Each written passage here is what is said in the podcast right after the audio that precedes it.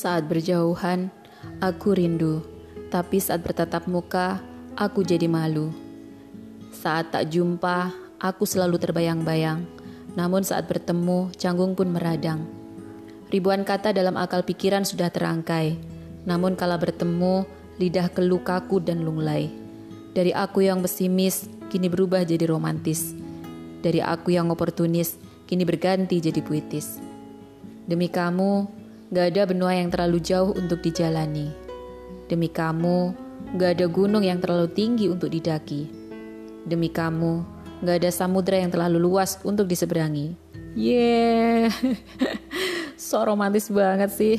Assalamualaikum sahabat, ketemu lagi dengan saya Yulis Elvirza, masih tetap di podcast Belajar Baik. Nah sahabat, sesuai yang kita janjiin kemarin, kita insya Allah akan ngebahas tentang satu tema yaitu cinta.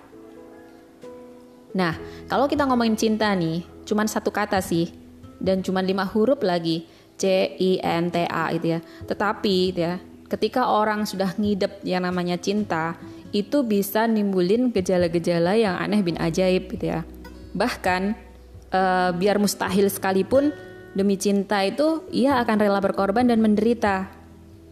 Cinta pun itu memang uh, apa ya kayak jelangkung gitu ya, datang nggak dijemput, pulang nggak diantar. Cinta itu emang hadir secara tiba-tiba. Pergi pun mungkin acap kali juga nggak pernah ngasih tahu kita. Sukanya ngedadak gitu ya. Barangkali dari sahabat ada yang pernah ngerasain gitu ya. So kalau kita ngomongin cinta itu memang wah, ada asiknya, ada kecutnya, ada pahitnya gitu ya. Mungkin kalau ada cinta lewat pandangan pertama, begitu ngeliat, eh langsung jatuh hati ada yang klop, artinya dua-dua yang suka. Banyak juga yang salah satunya suka duluan. Bahkan ada yang sukses ketika nyatain cintanya. Tapi, tapi juga nggak sedikit loh yang kandas di ronde pertama, iya kan? Ada yang pernah? Kandas di ronde pertama, iya. Ditolak mentah-mentah. Atau bahkan yang mereka uh, apa ya realistis gitu ya wah cari ganti aja dia. Barangkali mungkin prinsip mereka bagi yang realistis kembang itu tak hanya setaman itu ya prinsipnya. Atau bagi mereka yang lagi ngotot itu ya nggak jarang bahkan ada yang sampai ngamalkan falsafah ciledug. Tahu nggak sih sahabat apa itu ciledug? Cinta lewat dukun. Astagfirullah. Ada juga ya yang kayak gini. Itu semuanya dilakuin itu demi cinta. Nah, kalau kita sekali lagi ngomongin cinta, kok sampai segitunya sih? Kenapa sih setiap manusia nggak ahwat, nggak ihwan itu semuanya itu pasti punya rasa cinta? Ya iyalah, kenapa? Karena cinta, cinta itu sudah dari sononya. Artinya apa? Cinta itu sudah fitrah. Artinya cinta itu sudah diciptakan oleh Allah pada setiap makhluk yang bernyawa entah itu wanita, entah itu pria, entah itu ikhwan atau ahwat, semuanya punya rasa cinta. Nah, kalau kita ngomongin cinta, Allah pun juga uh, telah menciptakan kepada setiap manusia itu yang namanya naluri. Nah, dari sinilah nanti kenapa kok manusia itu punya rasa cinta. Kalau kita ngomongin naluri nih sahabat, naluri itu kalau dari bahasa Arab naluri itu gorois gitu ya, naluri-naluri. Berarti nggak hanya satu, iya Naluri itu ada tiga. Jadi yang pertama itu ada naluri mempertahankan diri. Ada warizah al-baqa. Nah, bagaimana perwujudan yang naluri ini gitu ya? Perwujudan dari naluri ini akan senantiasa ingin diperhatiin sama orang lain. Nah, kita kan juga punya rasa kayak gitu gitu ya.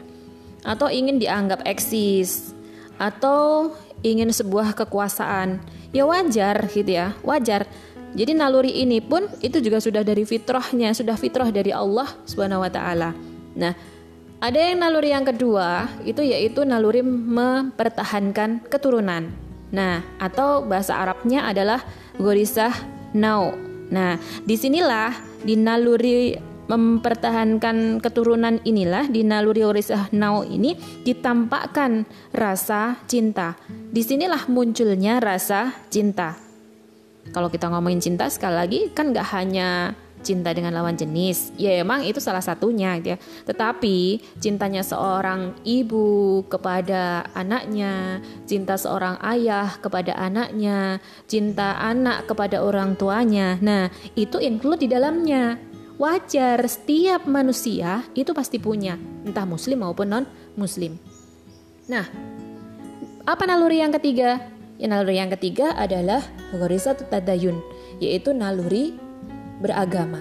Nah, di dalam naluri ini akan diwujudkan adanya bentuk pengakuan kepada zat yang akan disembah. Jadi senantiasa ini ada kecenderungan manusia itu membutuhkan sesuatu yang lebih daripadanya. So, kita nggak nggak nggak bakalan heran gitu ya ketika kita lihat seluruh kaum muslimin itu selalu getol beribadah gitu ya. Karena apa? Ya inilah sebagai bentuk pemenuhan dari naluri beragama. Nah, kembali ke cinta. Kalau kita ngomongin cinta, berarti kita kembali ke naluri yang satu tadi yang sudah kita bahas yaitu naluri yang kedua, yaitu apa? Gharizah nau. Jadi cinta itu sebagaimana yang telah kita uh, apa namanya? uble di depan tadi, itu salah satu pemenuhan dari gharizah nau. Sebagaimana naluri-naluri yang lainnya, jadi naluri itu butuh pemenuhan. Maka ya wajar ketika apa? Ketika ada seorang apalagi yang sudah balik gitu ya, ia mulai merasakan naluri ini. Jadi bukan sebagai tanda yang salah sih, namun sebagai indikasi bahwasannya ia itu sudah bisa ngelanjutin keturunan manusia.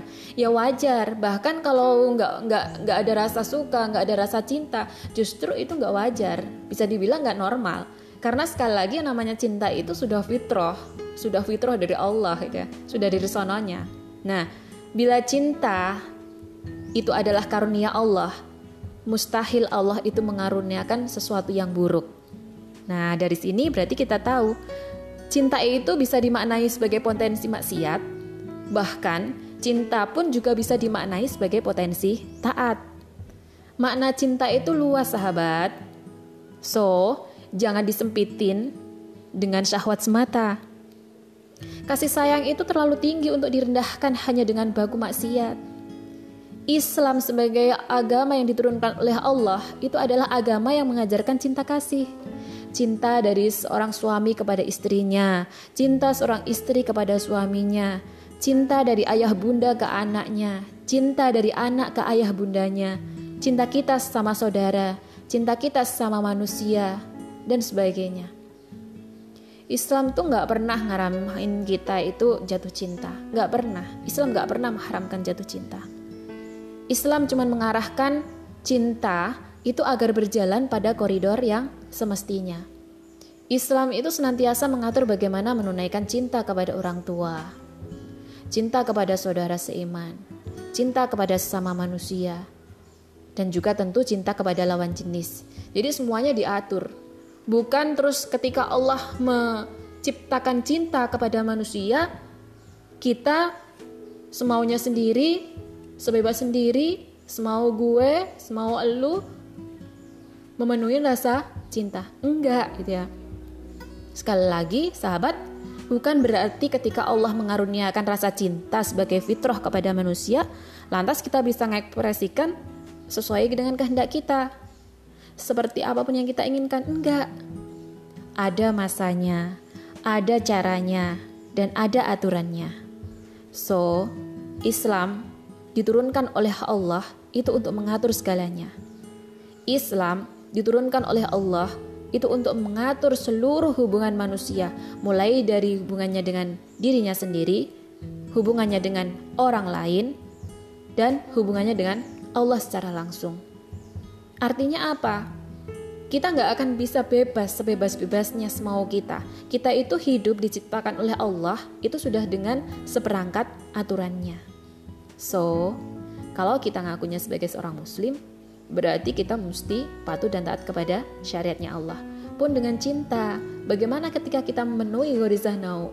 Bagaimana kita memenuhi dengan rasa cinta? Apakah dengan pacaran? Enggak kan?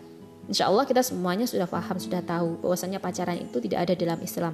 Dan bahwasannya pacaran itu adalah dilarang oleh Allah. Karena apa? Pacaran itu adalah pintu menuju zina.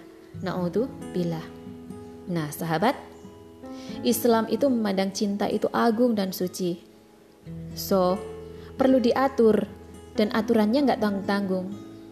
Aturannya itu langsung dari Allah Subhanahu wa taala.